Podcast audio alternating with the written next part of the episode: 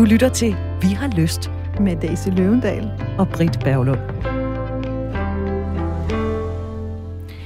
Hej med jer. Jeg har lige downloadet alle jeres podcasts og har tænkt mig at høre dem alle. Desværre alene, da jeg ikke kan, skråstreg, må snakke med min mand om noget som helst erotisk. Jeg er vældig bange for, at han lider af luder Madonna-komplekset, og kan ikke se, at I har haft det op at vinde. Jeg glæder mig meget til at høre jeres podcasts. Måske kan jeg finde en, som jeg i godsøjne tilfældigt hører, når han kommer forbi, i endnu et håb om at bryde isen. Sådan skriver en kvindelig lytter til os. Og Daisy, så svarede du med et øh, tak for brevet, og så skete der ting og sager. Ja, så sendte hun faktisk en meget, meget lang uddybende mail, øh, og den vil vi ikke øh, læse op, dels fordi den var personlig på en måde, jeg vil kalde privat, og vi vil gerne beskytte vores lytteres anonymitet. Så vi gør det, at vi en gang imellem, eller du, Britt, en gang imellem læser noget op fra det, når vi synes, det ligesom passer til samtalen.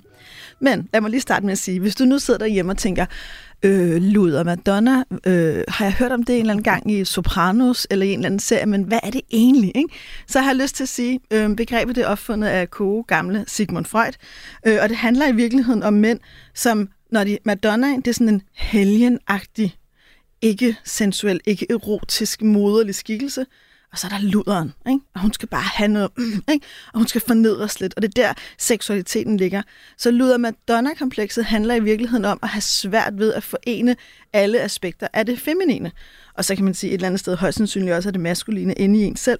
Men Freud har skrevet, det vil jeg lige citere, for jeg synes, det rammer det enormt godt. Hvor en mand elsker, har de intet begær, og hvor de begærer, kan de ikke elske. Så det er ligesom essensen af den oprindelige definition af luder-Madonna-komplekset. Og vi har selvfølgelig et menneske med til at tale om det her. Det er Thomas Friis, der er par- og mandeterapeut. Noget af det, Thomas arbejder med, det er personlig udvikling, det er kærestecoaching for mænd og kvinder, parforhold og seksualitet og maskulinitet. Hej Thomas, tak fordi du gider være her. Hej, og tak fordi jeg må være med. Jeg er jo simpelthen så spændt på at tale med dig, fordi når man klikker ind på din hjemmeside, så står der, stop med at lyve. Nu! Med store bogstaver, og så et par udråbstegn. Kan man kalde Thomas Friis no bullshit-typen? Det er der nogen, der vil mene. Øh, og så har jeg en dårlig vane nogle gange. Øh, så kommer jeg til at sige, ja, og det her det er rimelig kompliceret. Ikke? Øh, fordi der er selvfølgelig nuancer og øh, ja, komplikationer i, i alting. Jeg synes, man skal holde op med at lyve, og jeg synes, man skal begynde at sige sandheden. Og så skal vi nok have nogle flere detaljer og nuancer på det. Det er ikke alt, i alle relationer, som er lige velegnet til at blive broadcastet i sort-hvidt. Og man skal også holde op med at lyve for sig selv. Det er det sted, det starter. Så fik vi sat det på plads. Når vi har jo inviteret dig, fordi vi skal tale om det her Luther-Madonna-kompleks. Jeg har jo aldrig nogensinde stødt på det. Det er sådan en ny verden for mig. Det er sådan noget, jeg ser i, eller hører om, eller læser om, eller et eller andet. Hvor meget støder du på Luther-Madonna-komplekset i dit arbejde, Thomas? Jeg støder på det øh, direkte i parterapi. Og jeg støder på det øh, på en direkte måde. Øh, og jeg tror, den, det er den ene af dem, vi skal tale mest om i dag. Øh, det er sådan den mandlige udgave af Madonna. Konflikten, eller komplekset. Ikke? Øh, han har svært ved øh, at være lederlig og beskidt og begærlig og alt det der, sammen med den kvinde, han elsker.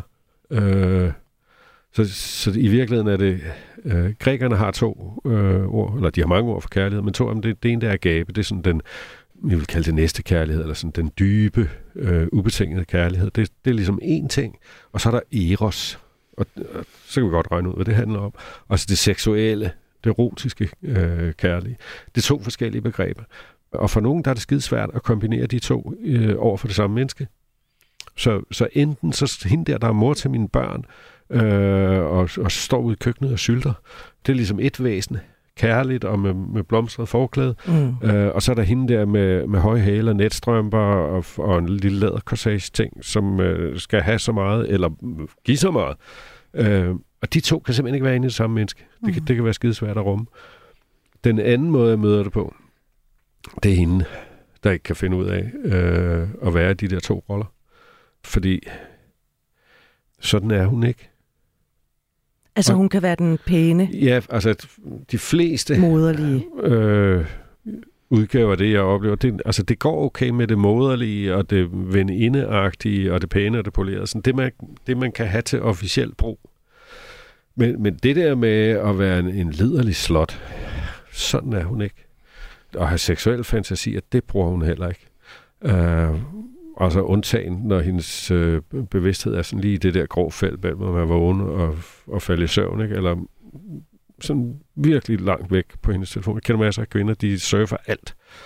Øh, men lige så snart det er porno, så har de sådan en, en anonym browser, der kører på VPN. Man skal under ingen omstændighed opdages. Nej. Øh, og, altså, så det der med at kunne rumme de der aspekter ind i sig selv, øh, mm. det er sådan den anden fa- Og jeg tror måske, vi i dag kommer til at se, at de har måske en lille smule med hinanden at gøre, de der to.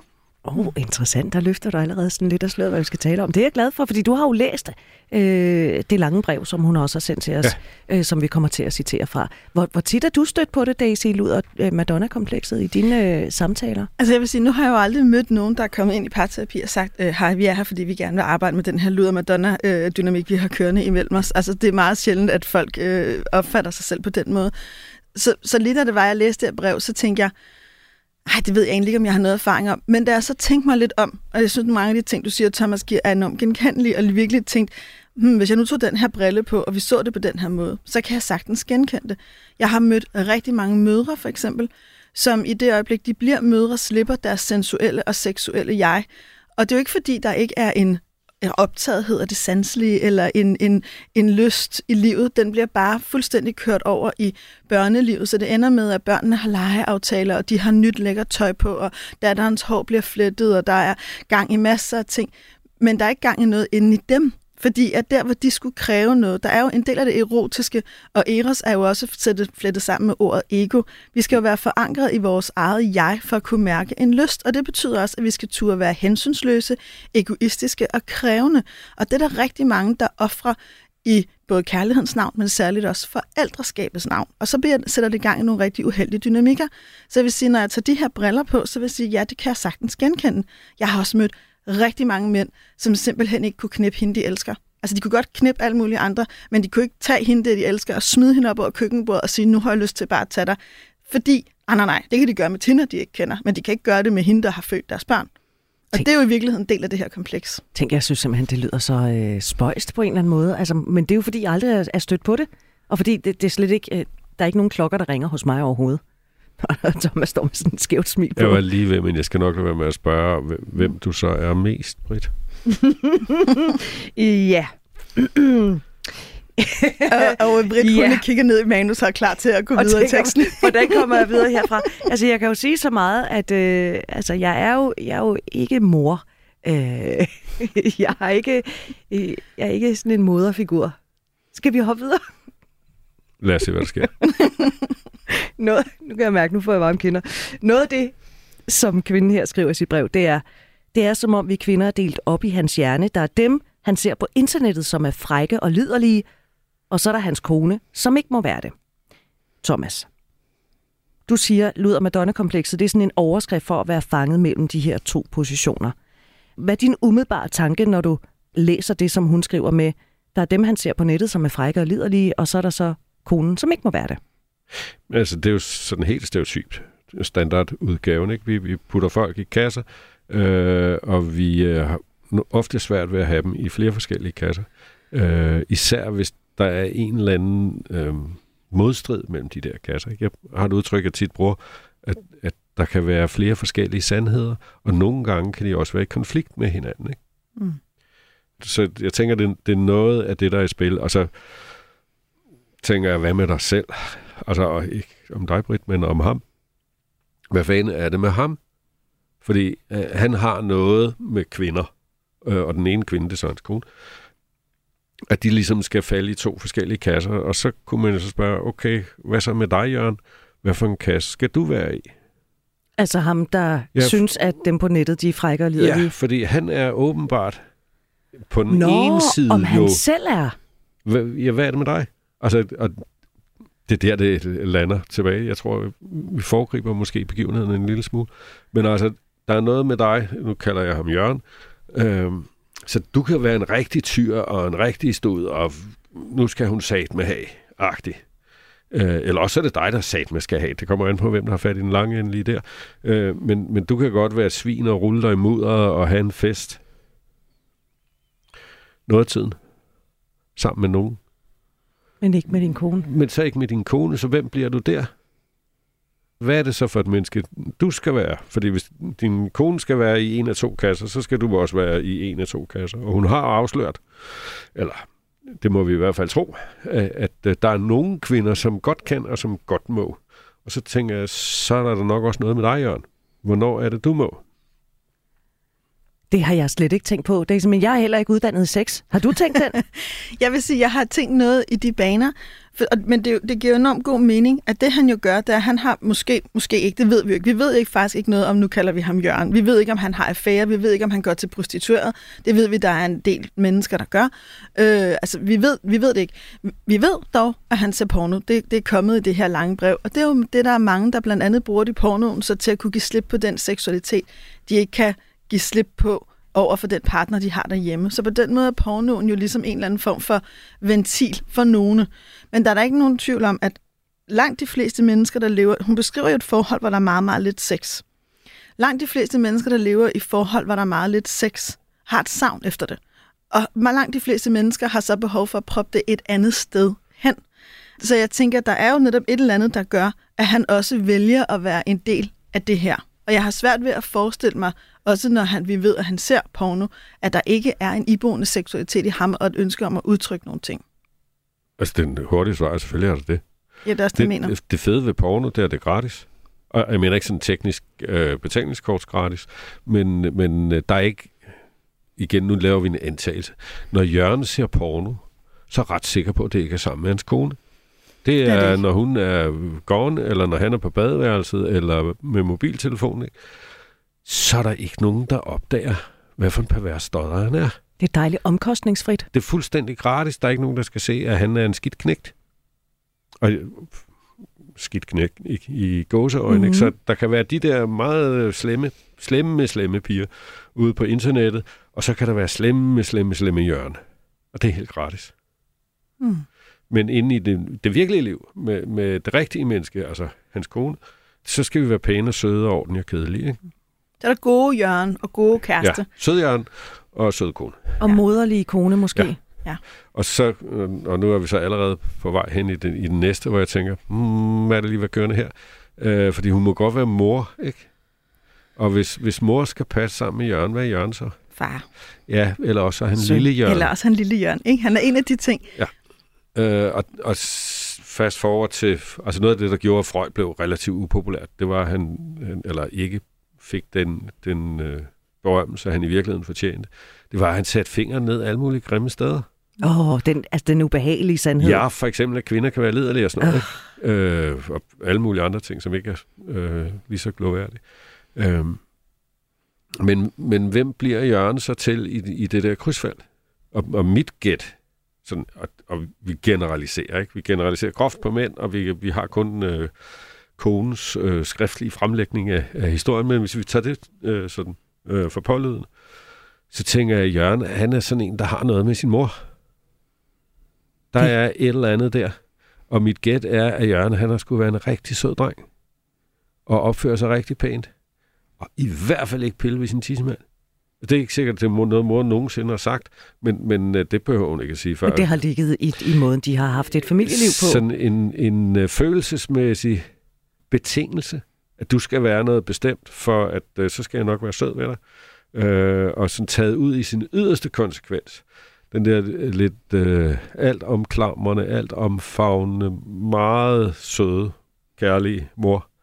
Uh, Øh, det var jo også Freud, som satte øh, sin store stykke pegefinger på og kaldte Ødipus-komplekset, ikke? Øh, hvor man så for at skulle have kærlighed, eller for, for at kunne få kærlighed, øh, så skal man være mors lille kæreste. Øh, og hvis det så ovenikøbet skal foregå pænt og med hænderne over dynen, så, altså, så undrer det mig ikke, at hjørnet blev til hjørne. Altså, hvad er det for en minefelt, du træder ind på lige nu, Thomas Friis? Jeg tænker bare, en ting er, at man kan tale om det menneske som Jørgen i det her tilfælde, ikke? Og Jørgens kone men Jørgens mor. Øh, hvad sker der med de mænd, du taler med, hvor du drager nogle paralleller til, når men det kunne jo være hjemme i dit barndomshjem, noget med dine forældre, noget med din mor? Altså, det er, jeg er jo terapeut, så jeg skal helst undgå at proppe ting ned i halsen på folk. Det, det er mere nyttigt, øh, jo mere de selv opdager. Ikke? Men, men øh, når vi så for eksempel afslører eller får øje på sådan en dynamik, ikke, så er det logiske spørgsmål, hvordan fanden har du lært det? Mm. Altså, hvem har bildet dig ind, at du skal være sådan, eller at man skal være sådan, eller verden hænger sammen på den her måde? Hvor fanden, altså, hvis du spoler filmen sådan helt tilbage, hvor kan du have lært det hen? Øh, og så ender vi, og det er jo sådan lidt en terapeut-ting, så ender vi der med, med far og mor opvækst. Ikke? Præcis. Man kan sige, at i virkeligheden er vi jo nu ved at tage en rundtur i det, jeg kalder, eller vi alle sammen terapeuter kalder begæret psykologi, lidt forskelligt, om vi bruger de ord. Men det er jo i vores barndom, det er jo af vores primære omsorgsgiver, uanset om det var vores biologiske forældre, eller adoptivforældre, eller hvem det var, at vi har lært, og vi er blevet formet i forhold til køn, krop og seksualitet. Så, så det er jo meget sjældent, at folk har en eksplicit opfattelse af, hvad de præcis lærte om de her emner. Men det ligger jo i, måtte vi nyde, måtte vi lege, måtte vi have grænser, blev de respekteret, blev vi trøstet, når vi begik fejl, eller blev vi overladt til os selv? Blev vi taget ind? Blev vi sendt ind på værelset? Blev vi holdt om? Eller blev vi latterliggjort? Altså, alle de her ting former jo også vores begær og vores dybe psykologi, fordi det intime og seksuelle er så stor en del af dem, vi er. Det er også derfor, det er så sårbart et rum. Så hvis man i virkeligheden måske har haft en mor, som har formet en. Altså, jeg, jeg, får sådan, jeg ved det ikke, det er helt fantasi, det jeg siger nu, men jeg får sådan et billede af Jørgens mor, som måske en stærk kvinde, der måske har haft noget bitterhed i forhold til mænd, eller måske var alene med ham, og faren var et svin, eller, ikke? og seksualitet var noget lort, og det fik jeg ikke en skid andet godt ud end dig, min prins. Ikke? Dig elsker jeg. Ikke? og hun har offret sig, så er han nødt til at blive den her søde hjørne, der i virkeligheden ikke kan være egoistiske, hensynsfulde og vokse op til at være en mand, der godt må, som du siger, Thomas, kaste sig rundt i mudder, og samtidig kan han spise morgenmad med hende dagen efter. Så man kan sige, det er jo et eller andet, han har med, og når man laver sådan noget arkeologiarbejde med folk, så det er jo noget, der kræver længere tid. Det er jo ikke noget, man lige laver 10 hurtige spørgsmål, og så kortlægger man det. Der er jo mange følelser på det her. Det kan også være enormt smertefuldt, men det er vigtigt, tror jeg, at vi i virkeligheden kigger på, hvad har vi med, og hvordan, hvordan udspiller det, jeg har med mig fra min barndom, sig i mit nu? Fordi det udspiller sig jo indtil vi kender det så godt, at vi kan begynde også at slippe det delvis. Og der er ikke nogen tvivl om, at når jeg lytter op det her par, så har de jo begge to noget med, der gør, at de ender med at være to mennesker, der er så forkrampet i deres mangel på seksuelt samvær. Og Thomas, du har oplevet mænd, der er gået, når du begyndte at tale om det her. Ja, altså når vi, øh, når vi begynder at kratte i fundamentet til den pedestal, mor står på, øh, så kan det blive rigtig sårbart. Øh, og i virkeligheden, så handler det jo ikke om den der pæne ældre dame henne på plejehjemmet. Øh, men, men når det begynder at gå op for mig, at okay, rigtig meget af det, jeg har troet på, var måske ikke helt sandt. Rigtig meget af det, jeg har gjort, var måske ikke særlig fornuftigt. Øh, rigtig meget af det, jeg kunne have oplevet eller udlevet, øh, det gjorde jeg ikke. Øh, og så kan det da godt være, at jeg kan kompensere lidt for det nu i en alder af meget senere, men, men alt det gas, jeg skulle have givet den de sidste 10, 20, 30, 40 eller 50 år, det er nok væk. Og det, alt det kan jeg jo slippe for at beskæftige mig med, hvis, øh, hvis jeg sørger for, at mor bliver stående der øh, helt op på, på toppen af Peter sådan urørlig. Så jo, jeg har bogstaveligt talt haft mænd, som øh, forlod lokalet for aldrig at vende tilbage. Øh, og, og ikke bare sådan i, det her, det kan jeg ikke rigtig bruge. Men at hvis jeg skulle sige noget grimt om hans mor, som var det mest kærlige menneske, så måtte jeg jo være fuldstændig syg i potten og et perverst svin. Og det lort gad han. Altså sådan virkelig, virkelig det siger noget om, hvor mange på det. Ja, det siger noget om, hvor, hvor voldsomt det er, ikke? Ja, og, og hvis du er en mand i 40'erne, eller 50'erne, eller 60'erne, som, som stadigvæk har det sådan med din mor, så der er i hvert fald nogle af mine kolleger og jeg, som godt kunne sætte os med en fyraftens øl og tænke, der er lidt at kigge på der. Altså de der voldsomme reaktioner, som Thomas beskriver, er jo også tit altså et udtryk for skam. Altså skam får os jo til os at reagere hårdt, når nogen kommer til at røre vores skam. Og der er jo meget seksuel skam. Det er jo ikke noget, vi nødvendigvis taler særlig meget om i vores tid, men der er jo meget seksuel skam på spil imellem os. Og der er i hvert fald et eller andet inde i ham, hvor jeg tænker, den der dikotomi imellem, at han kan godt elske hende, de kan godt have et dejligt parforhold, de kan godt være sammen, de kan måske godt se en film eller, eller, eller holde i hånden, men han kan ikke være en hensynsløs, krævende mand sammen med hende. Altså, Han kan Det- ikke være egoistisk. Han kan ikke være egoistisk, og være egoistisk er nødvendigt for at være erotisk. Det vil sige, når hun skriver i starten af hendes brev, at det erotiske ikke må være der, så tænker jeg, ja, det er godt set. Så begynder jeg at undre mig over, og hvorfor er du der så? Der er så helt klart noget der også. Men, men, men jeg synes, det er meget spot on. Og Thomas, du står og nikker, når Daisy siger, hvorfor er du der så? Præcis. Altså, den, den, øh, nu har vi det hjørne, vi har trængt op i en krog her, ikke? Øh, og han skal have nogle bryl øh, og noget kærlighed. Øh, men, men det er klart, at Jørgens kone, vi ved noget om hende. Og det vi ved om hende, det er, at hun er sådan en, der foretrækker at være sammen med sådan en som Jørgen. Ja, åbenbart. Så kunne man jo stille sig selv det spørgsmål. Øh, hvor fanden kommer det fra? Altså, øh, som, som Daisy også har fat i, ikke? altså erotikken er jo øh, sex, seksualitet. Altså, vi, vi har ordet libido, som fundamentalt set betyder livskraft. Så vores, vores seksualitet har fat helt nede i bunden, der hvor, hvor batteriet ligger. Ikke? Øh, så når vi lever et liv, hvor det ikke spiller, hvad fanden er det så, vi gør ved os selv? Mm. Og så siger hun sikkert, jamen der er jo så mange andre gode ting, og børnene, og, Og vi græsplænen, og vi er et godt team, og sådan lige ved at falde i søvn, ikke? Så hvad fanden er det med dig? Altså, hvad, hvad, hvad er det, du har med hjemmefra? Hvor er det, du har lært ikke at have fortjent, eller hvad pokker det nu er, at, at øh, leve et fuldt liv? Hvorfor skal du lade den nøje? Hvorfor skal du lade dig nøje? Og så er der mange, som vil sige, jamen det kunne jeg jo ikke vide, fordi dengang vi var forelsket, der gik det jo sådan nogenlunde fint. Ja, yeah, right. Altså din underbevidsthed afkoder den der mekanisme. Jeg plejer at sige, de lærte slås om, tager det 15 sekunder eller 15 minutter stort set at have aflæst et andet menneske øh, sådan i, i den der forelskelsessituation. Så det kan godt være, at det først kom op til overfladen senere, men det var der dengang, og det var at det var så noget af det triste, ikke? Det var noget af det, du faldt for. Her, der kunne du udleve den der side af dig selv, ikke? Og så kan man jo så, øh, ligesom vi allerede havde gang i Jørgen og Jørgens mor, øh, kigge på ko- kone, og så er det måske kones far. Det kan, altså, det kan være både være Det kan være den ene og den anden Ja. forælder, ikke? Men, men øh, hvad skulle du være for at få fars kærlighed? Og når du nævner de der 15 sekunder eller 15 minutter, så er vi jo tilbage til stop med at lyve nu. Ja, tak. Og det er også derfor, der i det her også er et potentiale for en heling. Det er jo lyset i det her. Der er ting, hvis vi rigt, faktisk kan bruge den her kærlighed til at hele noget. Du lytter til Vi har lyst på Radio 4. Vi har besøg af Thomas Friis, der er par- og mandeterapeut. Vi taler om lud og Madonna-komplekset, fordi vi har fået et meget langt brev fra en kvinde, hvor vi kommer til at læse nogle brudstykker op her undervejs. Øh, Daisy, du mener, at det her med moderen, altså luderen og så den her moderlige figur, at vi, øh, vi afseksualiserer moderen i vores kultur. Hvad mener du med det? Jamen, jeg tror, det jeg mener med det, altså jeg begyndte selv at blive opmærksom på det, da det var, jeg flyttede til Latinamerika. Jeg er jo, jeg er jo født i København, så jeg, er jo ligesom, jeg har jo ligesom sejlet og fået mit ungdomsliv og er formet i den her kultur. Det kan være skide svært at se ens egen kultur. Så flyttede jeg og boede i en årrække i et andet land, og så så jeg, fik jeg ligesom nogle andre briller og fik et andet syn. Og man kan sige, der, der altså, det ligger i sproget, mamita, ikke? altså du sexede lille mor, ikke? hvad er gravid, mm, ikke? hvem har proppet det ind i det? Altså der er sådan en helt anden seksualisering af mødrene. Der er også en helt, altså den, den katolske Madonna er også en lidt anden type. Guadalupe er meget anderledes end Jomfru Maria, blandt andet er hun ikke særlig jomfruelig.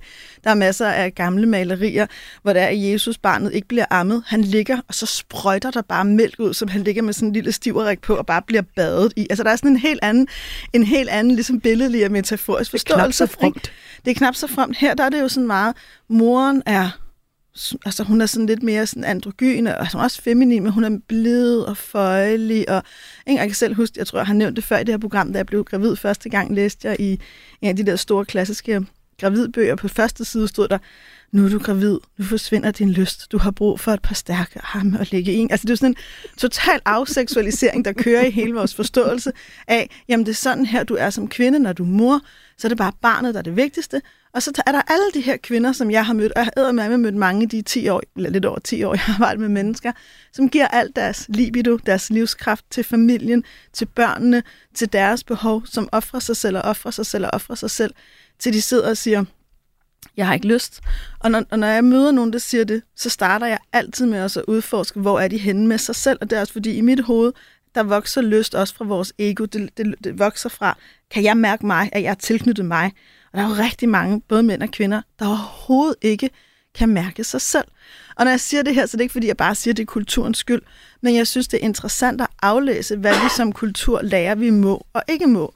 Og nordiske kvinder, vi får at vide, at vi er så optaget af vores børneliv, at vi slet ikke har lyst til at være seksuelle væsener. Og det er det, vi forventes at være. Og det giver jo i virkeligheden også lidt stramme vilkår for at give plads til den her erotik i parforholdet, eller bare med en selv. Og så kan man sidde som kvinde og tænke, jeg har vildt meget lyst til sex, men der står jo på side i det bogen, at det, har, det skal jeg ikke have. Og, og han kan sikkert ikke lide min gravide mave Præcis. og mine strækmærker. Præcis. Præcis. Skal vi hoppe videre med en passage i brevet? Mm. Hun skriver, han vil kun være sammen med mig, når han får en spontan rejsning midt om natten. Han er ikke glad for, at vi tænder lyset, og det hele er nødt til at foregå, foregå meget stille på grund af et sovende voksenbarn i nærheden. Det er som mig, der føler mig hæmmet der. Jeg kan både lide at se, hvad der foregår, og vil gerne have lyde på. Det øger min nydelse, hvilket jeg mener er helt legitimt. Så Thomas, A, det er helt legitimt. Ja. Punktum. Øh, eller udråbstegn med prik under. Ja. Øh, eller f- for helvede fortænd lyset, og altså, det der er, der må gerne være der. Og det er sådan set ligegyldigt, om det er lidt lavmældt, eller øh, højtråbende, eller... Der, der er et kvalitetskriterie øh, til sex mellem voksne, samtykkende mennesker. Øh, og det er, at hvis de synes, det er fedt, så er det fedt. End of story. Så jo, sådan må du gerne have det. Øh, jeg tænker, afsløringen ligger der sådan nærmest i første afsnit, ikke? spontan rejsning midt om natten. Ja. Det er ikke min skyld. Ah, Den, den, den, den, se nu mor, den kom til det. Det var ikke med vilje. Agtigt. Det er sådan den første tanke, der rager ind i mit hoved. Ikke? At, at, altså det der med, at hun ikke må være liderlig, det handler ikke skid om, at hun ikke må være liderlig. Det handler om, at han må ikke være liderlig. Mm. Eller han må i hvert fald ikke blive afsløret eller opdaget. Han vågner midt om natten, sådan lidt uheld. Måske er han faktisk slet ikke vågen. Det er Ja. ja. en lille pengemand, der gør det helt selv. ja. Og så er det jo ikke hans skyld. Så er det ikke min skyld. Nej, det er bare søde Jørgen, som havde en lille uskyldig rejsning. Ikke? Men hun ødelægger det jo så. For når hun så begynder at tænde lys, og slik mig på brysterne, og slik min fisse, åh, oh, yeah, baby, nej, nej, nej, nej, nej, nej, så ødelægger du det. Fordi seksuel skam, det gør, det skal bare være kontrolleret. Ikke? Altså, du ved, vi skal ligesom, der skal ikke for mange følelser og alt muligt. Seksuel skam gør, at vi trækker os, vi kommer til at nedgøre andre, og så fodrer vi i virkeligheden, når nogen så udfordrer det, så bliver hele vores grundlæggende eksistens jo udfordret. Så derfor bliver han jo et eller andet sted også, så er han nødt til at lave mere afstand til hende. Du skal ikke gøre de her ting, for så konfronterer du jo mig med de følelser, jeg egentlig skammer mig over at have. Og så, låser, så bliver det jo en knude. Og du er også med på, at det handler om, han har skam over sin seksualitet. Ja, det er... Det tror jeg... Skal vi stemme om det? Okay, vi, Okay, vi stemmer. Ja. To- 2-0 står det. 3-0 står det. øh, kilden til det kan man godt stå og spekulere lidt over, ikke? Øh, altså, hvor fanden er det, at Jørgen har fået det der ind i sit hoved? Hvad, hvor, altså, hvad er kilden til den der skam? Øh, og der kan man mene både det ene og det andet. Det kan være, at Jørgens mor har været meget Madonna-agtig, og hvis, hvis Jørgen var en lille slem dreng, så skete der noget slemt. Øh, det kan sådan også være det modsatte. Altså, det kan være, at, at øh, han kommer fra et sted med en meget... Øh, jeg har lige været i bad, går rundt, øh, mm, rører lidt med mig selv her, mens øh, Lille øh, prøver at passe sine teknobiler, eller spille fodbold med kammeraterne. Ikke? Altså, om man kommer fra et underseksualiseret eller et overseksualiseret hjem, øh, det er svaret fisk. Øh, det kan man sådan ikke gætte noget på. Men han har i hvert fald lært på en eller anden façon, at seksualitet, om det så er hans egen seksualitet, eller om det er den voksne kvindes seksualitet, det er forbundet med et eller andet, som er pisse ubehageligt. Det er skammen. Og skam er... De lærte strides om skam er den mest ubehagelige følelse, men, men den er i hvert fald på top 2. Ja, den er, den er, at vi gør alt for i virkeligheden at komme væk fra den. Det er også fordi skam er en følelse, der er så dyb, at den fortæller os, det jeg gør her, eller det jeg vil her, kan koste mig min tilknytning til andre. Og vi er som mennesker kodet til at skulle indgå i fællesskaber. Så skam råber, lad være, lad være, lad være, det her det er farligt, det skal du lade være med. Og så er det, at man godt kan på pornoen, som er omkostningsfrit, men nu man ikke kender, når ingen ser det i mørket. Det er skam gør. Skam, skam vokser i mørket. Det er også derfor, at mennesker, der skammer sig nogle gange, ikke altid, har en højere risikoadfærd. For når det så er, at de drikker øh, og slipper bevidstheden, så ender de lige pludselig i et eller andet hjørne af noget, fordi, der, så, fordi så kommer det hele op, og så kan de ikke styre det. Og det er jo også derfor, det er så vigtigt i virkeligheden som mennesker, at vi får kigget på vores egen skam, så den ikke ender med at styre os. Men, men, men hører jeg dig sige, og også dig, Thomas, i virkeligheden, når han så hopper på World Wide Web og surfer noget porno, er det der, hvor Jørgen kan få lov til at være Jørgen? Ja, altså det er jo så spørgsmålet. Men han kan i hvert fald få lov at være noget andet, end det han giver sig selv lov til med sin, jeg kalder det dagslysbevidsthed. Ikke? Øh, og, og som Daisy har fat i, øh, når så lyset slukker, og der ikke er nogen, der kigger, det er klart, hvis det foregår derhjemme med mobilen, så er der grænser for, hvor skadeligt det kan ende med at være. Men øh, så kan man jo begynde at cruise. Jeg tror, jeg er ikke sikker, men en, øh, en af, hvis ikke det er den største, så er det i hvert fald meget tæt på, kundegruppe til homoseksuel prostitution. Altså øh, mænd, som opsøger købesex med andre mænd. De er jo heteroseksuelle. I hvert fald officielt. Og så er der nogen, der siger, at det er bare fordi, de i virkeligheden er, at de ikke er sprunget ud af skabet. Nej, det er fordi, de er i gang med sådan de mørkere sider af deres seksualitet og, og undersøge det. Så de er måske biseksuelle, eller hvad fanden, det, det er de måske ikke engang, men de er i hvert fald ude de i har noget. en fantasi. De har nogle fantasier, og, og de har øh, noget skam og noget konfrontation af alt det der. Ikke? Øh, og det er ikke, fordi der er noget i sig selv iboende, altså der er ikke dødsstraf for, endnu i hvert fald, for at gå til prostitution eller, øh, eller homoseksuel prostitution. Men sammenlignet med at tale fornuftigt med sin kone, øh, og, og udleve sit sexliv øh, under sådan nogenlunde kontrollerede former, i stedet for i, i gamle dage var lige her over i Ørstedsparken. Øh, øh, nu foregår det alle mulige andre steder ude på fældet, når man fandt det. Noget. Øh, altså, det er jo højrisikoadfærd, som Daisy siger. Når noget bliver ekstra, ekstra, ekstra slemt, øh, så det vi gør for at omgås med det, det bliver så mere og mere ekstremt. Jeg tror ikke, at det er Jørgens sande jeg. Jeg tror ikke, han har... Jeg tror, det er to yderpoler. I virkeligheden har Jørgen jo brug for at gå en mandegruppe hos Thomas eller andre ting. I virkeligheden har han jo brug for at finde ud af, hvem er jeg med de her dele. Altså, jo mere hele og integreret vi bliver, jo mere kan vi også både tale fornuftigt med en menneske og være fælles forældre med dem, og knalde hinanden og være frække og egoistiske under nogle samtykkeformer, som jeg godt lide, at du siger det på, Thomas, vi er enige om, at det her er fedt, og nogle gange er det her fedt for mig, og nogle gange er det her fedt for dig. Men Jørgen kan ikke være hele sig selv. Det, der er det, det, der, er, der, er ingen, nej, det, og der er ikke nogen integrering. Det er det, der i virkeligheden er essensen i det. Og det, der er jo så interessant med det her brev, er, at det er der jo heller ikke for hende. Fordi det kan godt være, at de havde okay, eller, eller dårligt, eller et eller andet form for... Jeg har hørt mange historier om det her, hvor der er noget sex i starten, men jo mere de så kommer tæt på hinanden, jo mere bliver de her sår så synlige, jo mere han elsker hende, jo mere bliver hun Madonna, jo mere trækker han sig seksuelt, og hun lader ham gøre det fordi der er et eller andet inde i hende, der heller ikke er integreret. Så på den måde er de, jo, er de jo også med til at blive i et parforhold, der giver dem mulighed for at blive i deres smerte. De gøder i virkeligheden hinanden. Og det her med at trække sig, hun skriver videre, vi har bare intet erotik, hvis ikke han har rejsning, ingen klemme, skråstreg sutten på bryster engang imellem, ikke engang en hurtig tur med en finger for mig, og oralsex kan jeg ikke huske, hvordan er med ham. Det må være mindst 10 år siden. Altså, inden han fik ondt i halsen af det, og synes, jeg smagte for besk. grund til, at du ikke kan høre noget ude i radioen, der vi står sådan lige og kigger. Øh, og når jeg står og kigger, så er det, jeg bliver så pisseked af det. Øh, både på hans vejen, men selvfølgelig også på hendes. Øh, kæft, hvor er der meget liv, der ikke bliver levet. Øh, det er sådan den ene store ting, der fylder. Og så er der en anden ting, som... Altså, det er jo farligt, det her sex. Man kan blive syg af det. Få en lille smule ondt i halsen. Må jeg gerne have noget varm mælk med honning i. Altså, der er, der er sådan et eller andet, der kører der. Øh, men, men i det hele taget, at, at sex er jo farligt. Man kan slå sig på det. Altså, det, det, øh, og det, det mener jeg. Øh, fordi det er forbundet så dybt nede i vores systemer, fordi det er så tabubelagt og skamfyldt og alt det der. Ja, så vi os nogle gange. Mm. Daisy, har du nogensinde haft noget sex, hvor du bagefter tænkt, eller undervejs tænkt, hey, vi skulle nødt til lige at stoppe det her, det kører helt skævt af den forkerte vej? Forfra. Masser af gange. Ja. Masser af gange.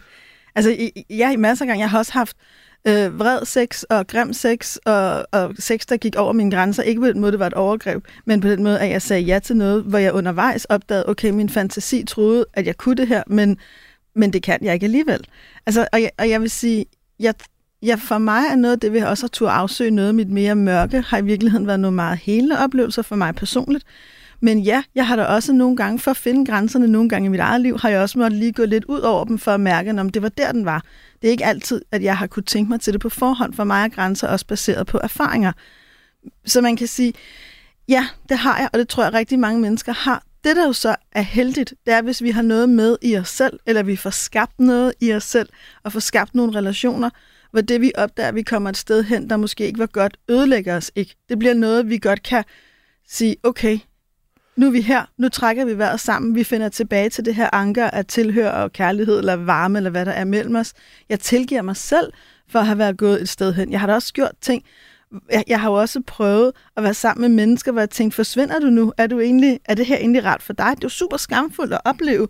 Altså, det er du for begge parter, men hvis man så kan finde hinanden i det og sige, hey, du skal ikke, altså, blive her, eller hvad sker der, eller skal vi lige gå et andet sted hen? Men i det øjeblik, man opdager det, så er det jo svært, fordi man får den der frygt, både som mand og kvinde har gjort noget forkert. Det er jo, det er jo en ultimativ frygt, vi har, og jeg tror, at mænd har den langt hen langt mere end kvinder har, fordi vi ikke anses som krænker, hvorimod mænd anses som krænker. Men hvis ikke de i det øjeblik, en kvinde forsvinder fra dem seksuelt, kan stoppe op, fordi de bliver så bange, at de bare fortsætter, der er en uheldig mekanisme i det, så bliver alting værre. Men jeg tror da ikke, der er ret mange voksne mennesker, der har haft et sexliv, der ikke også nogle gange har oplevet nogle af skyggesiderne. Tror, det, det, det er vigtigt. Det er en anden nuance på det, og så er vi tilbage hos Jørgen igen, øh, fordi det, det her handler i hvert fald ikke om mig. Øh, jeg, det, det, du siger om, at mænd det er ligesom os, der har patent på krænkerrollen, ikke? Øh, så hvis vi nu har noget af det der at rulle os imod og give den gas, øh, og det kan godt være, at hun gerne vil suttes på de, sine brystvorter, men jeg kunne fandme godt tænke mig at bide i dem. Sådan hårdt-agtigt, mm. ikke? Øh, altså, sex kan blive meget voldsomt. Øh, og hvad så? En erfaring fra mit liv. Jeg, jeg personligt foretrækker jeg relativt meget kulør i sovsen. Øh, jeg spiser gerne meget varieret, men jeg foretrækker virkelig meget kulørsovs. Øh, og det betyder, at meget ofte, så er det mig, der er den udfarende, og den i meget høj grad, eller voldsomt udfarende kraft. Ikke? Øh, og hvad så, hvis det bliver for meget?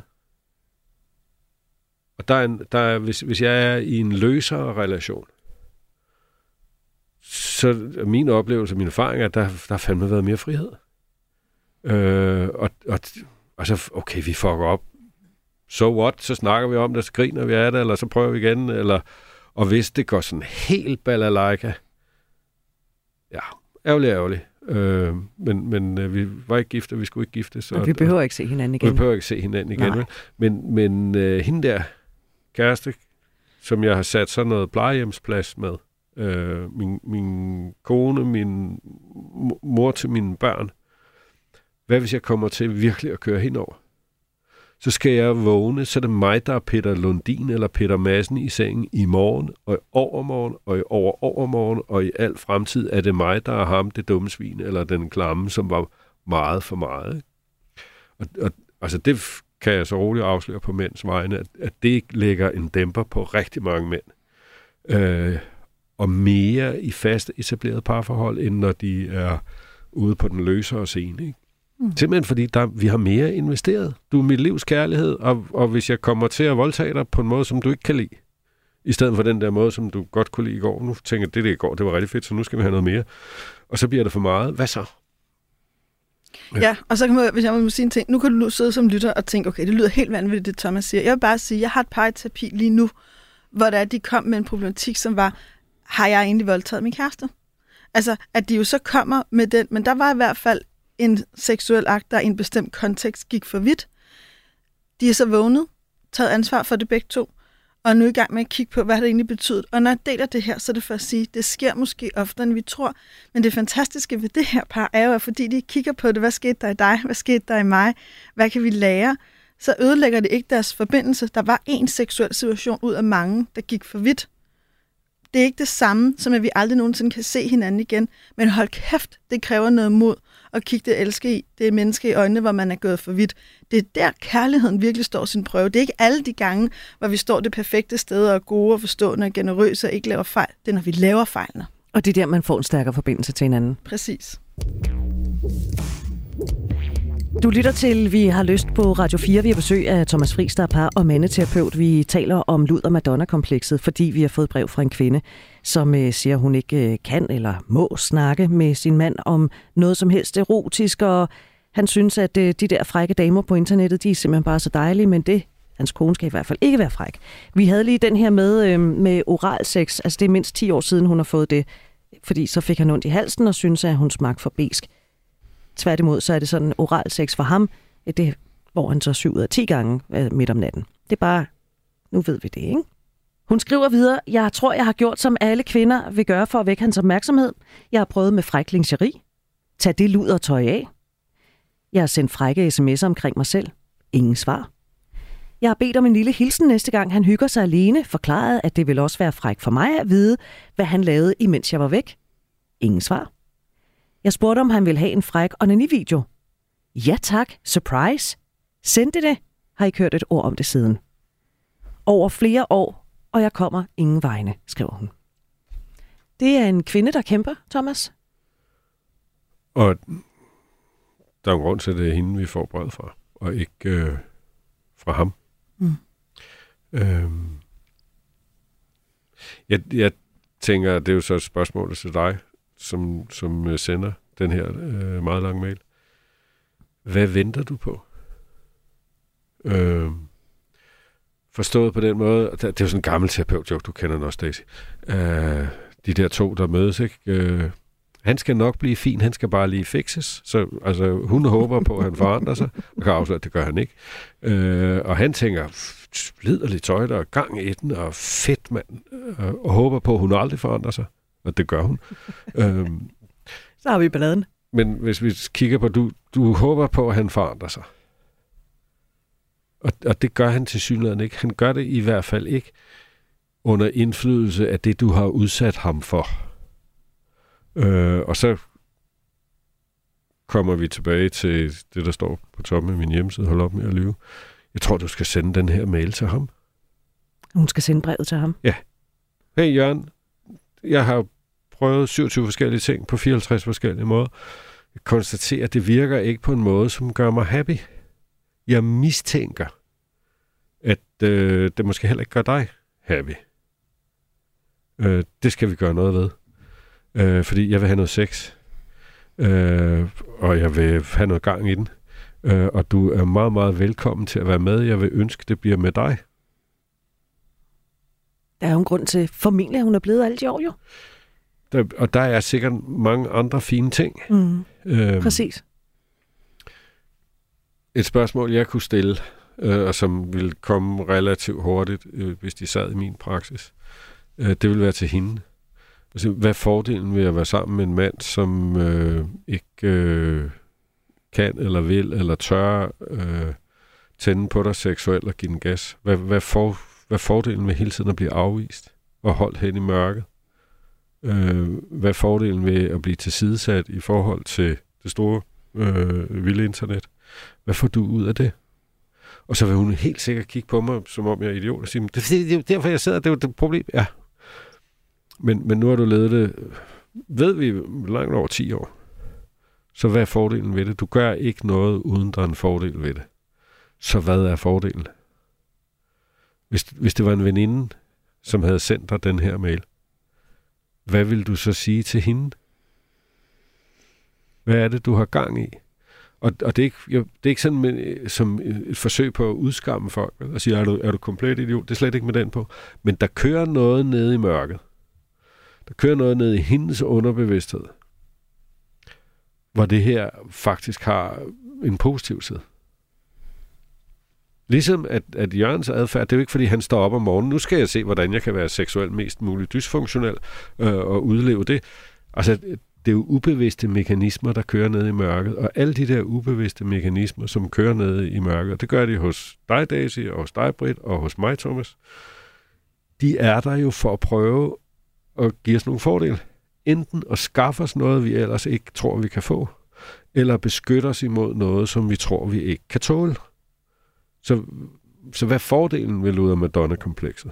Hvis ikke, det, hvis ikke der var en fordel ved det, var der for helvede ikke nogen, der havde sådan et. Nej, præcis. Og det, jeg, jeg er meget enig med dig, for jeg kan, jeg kan godt lide, hun er jo, hun indtræder jo også i den problematik ved at være sammen med ham. Så det kan, hun har jo travlt med i brevet her at sige, eller travlt, jeg er bange for, at han lider af det. Ja, men du er jo en del af den dynamik, fordi du lever med ham i det. Og jeg kunne ikke lade være med, da jeg læser brevet sådan, øh, jeg glæder mig meget til at høre jeres podcast. Måske kan jeg finde en, som jeg i går så tilfældigt hører, når han kommer forbi, i endnu et håb om at bryde isen. Jeg tænker, det er en meget passiv måde i virkeligheden at varetage et ret fundamentalt problem i ens liv. Og jeg kan jo egentlig godt lide alle de ting, hun har prøvet. Jeg synes jo, det er smukt. Men det, jeg lægger, så når der er, også når du læser de her ting op, hun har prøvet, hans svar, han har jo været meget tydelig. Hver gang hun prøver at gøre noget, invitere det erotiske ind i deres forhold, så siger han nej, nej, nej, nej, nej. Ja, der var lige der, hvor han kom til at sige ja. Ja, til Men en så- video. Og ikke? så blev det et nej. Ja, og så blev det et nej, for han måske godt lige modtaget, men så heller ikke videre. Det vil sige, han er jo meget tydelig. Og hver gang hun prøver at bryde den kontrakt i gåseøjne, de har, så siger han jo nej. Og så accepterer hun den. Okay, det erotiske ikke kan være her. Jeg kan ikke få... Vores sex kan kun foregå på hans præmisser midt om natten, hvor han ikke er bevidst, hvor det bare er min pik, der har et eller andet behov. Og det, det er det, den kan handle om. Jeg accepterer det, jeg accepterer det, jeg accepterer det. Og hver gang hun prøver at bryde kontrakten, siger han nej. Så det interessante er jo også præcis, som Thomas peger på, og hvad er det, der gør, at du bliver ved med at være i det? Så hun skal jo i virkeligheden også holde op med at prøve udenoms at fikse det her, og i virkeligheden tage en meget dyb beslutning med sig selv om, vil jeg fortsætte med at leve i den her dynamik, eller vil jeg ikke? Og det er ikke det samme, som hun enten kan gå eller blive, men hun kunne, hvis hun ville, og, være, være, og det tror jeg næsten, hun er nødt til at tage fat i sin egen libido, tage fat i sit eget liv, men også at sige det til ham. Og så sker der det, der sker. Jeg er næsten enig. Næsten. Lad mig høre nuancen. Ja, ja. Thomas. Du, du siger, at det, det betyder ikke, at hun skal gå. Nej.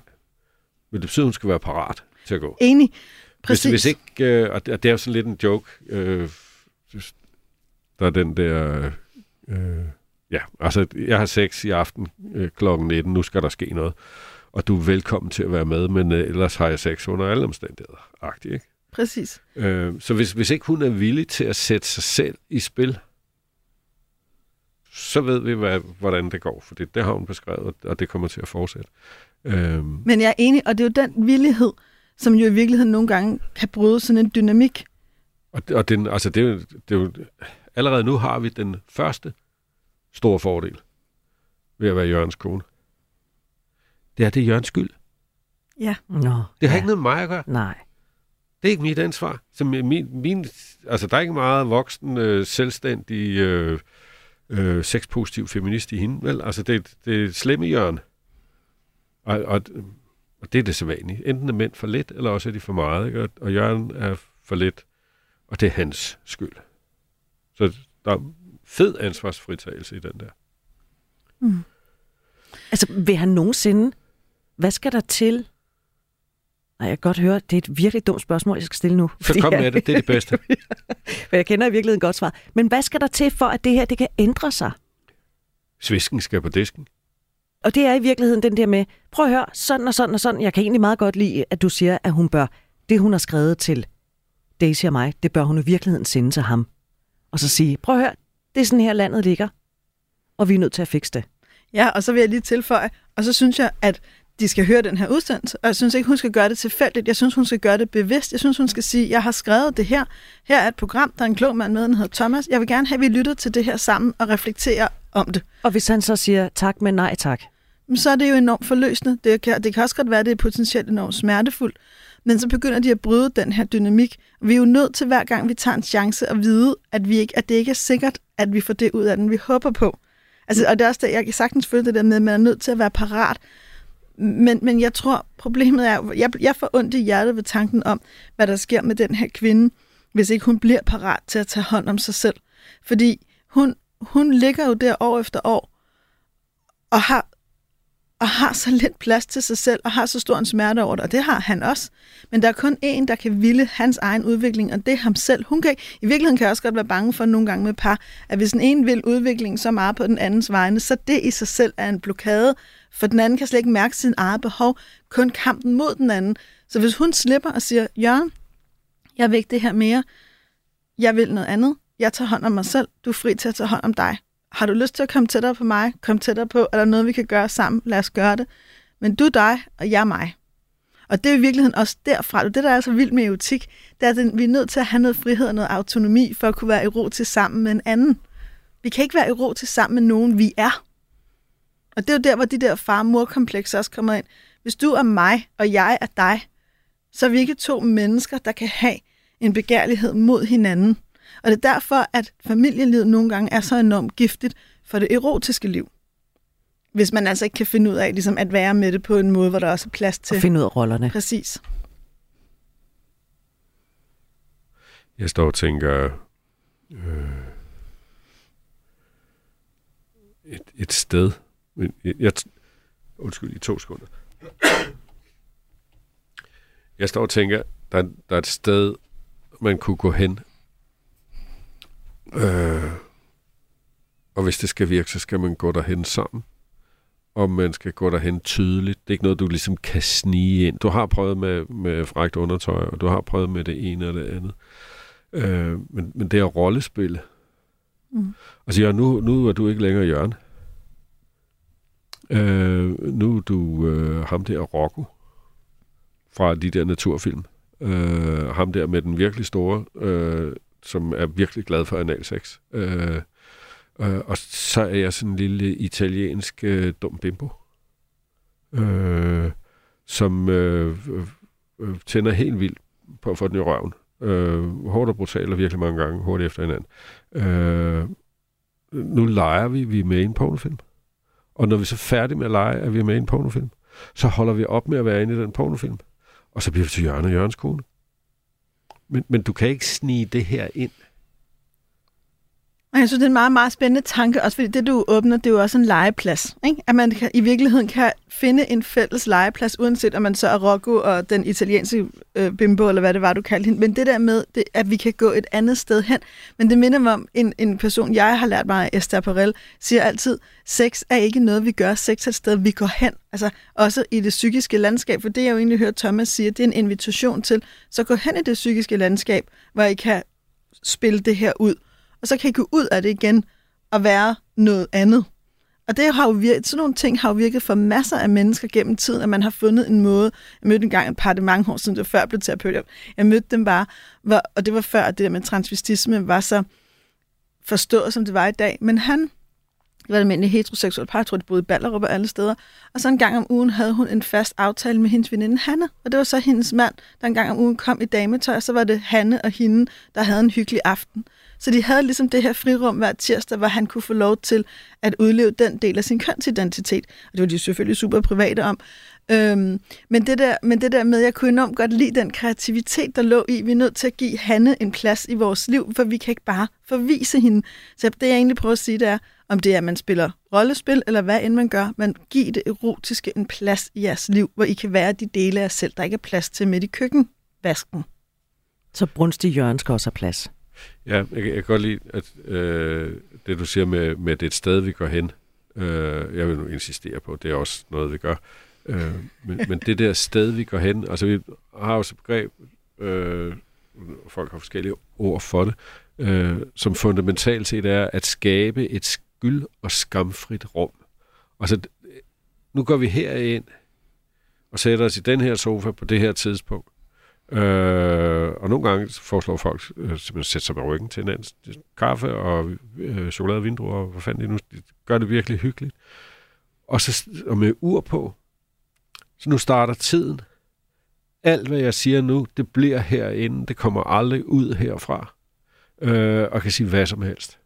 Øh, og, og der er ingen fingerpegen, der er ingen skyld, der er ingen skam, der er ingen væren forkert. Og så bruger vi 10 minutter, eller 20 minutter, hvor du kan få lov at fortælle skyld og skamfrit, og 10 eller 20 minutter, hvor jeg fortæller skyld eller skamfrit. Og så går vi væk fra det der rum. Og så går vi ud, og så er vi Jørgen og Jørgens kone igen. Det var også derfor, jeg mødte et andet par på et tidspunkt, som tog til svingerfester, og det var lige præcis det samme. Når de var i det miljø den aften, hvor børnene var, var passet, så måtte de alt, og så kunne de gå tilbage og være herres, herre, fru, ansvarlige forældre. Så fik vi lavet et program om lud og Madonna-komplekset. Vi er simpelthen løbet tør for tid, Thomas Friis. Øh, mand og parterapeut, tak fordi du vil komme og dele ud af din viden. Tak for det. Og man kan jo fange os på lyst radio4.dk. Ja, så hvis du vil høre mere om Rocco og alle hans forbindelser, så skriver du bare, at vi vil gerne uddybe. Og vi inviterer gerne Thomas Friis igen. Sådan skal det da ikke være. Du kan høre øh, alle tidligere udgaver af det her program i øh, Radio 4's app. Den kan du selvfølgelig hente gratis i App Store og i Google Play, hvor du også kan høre Radio 4's andre programmer. Og så blev programmet her produceret for Radio 4 Only Human Media. thank you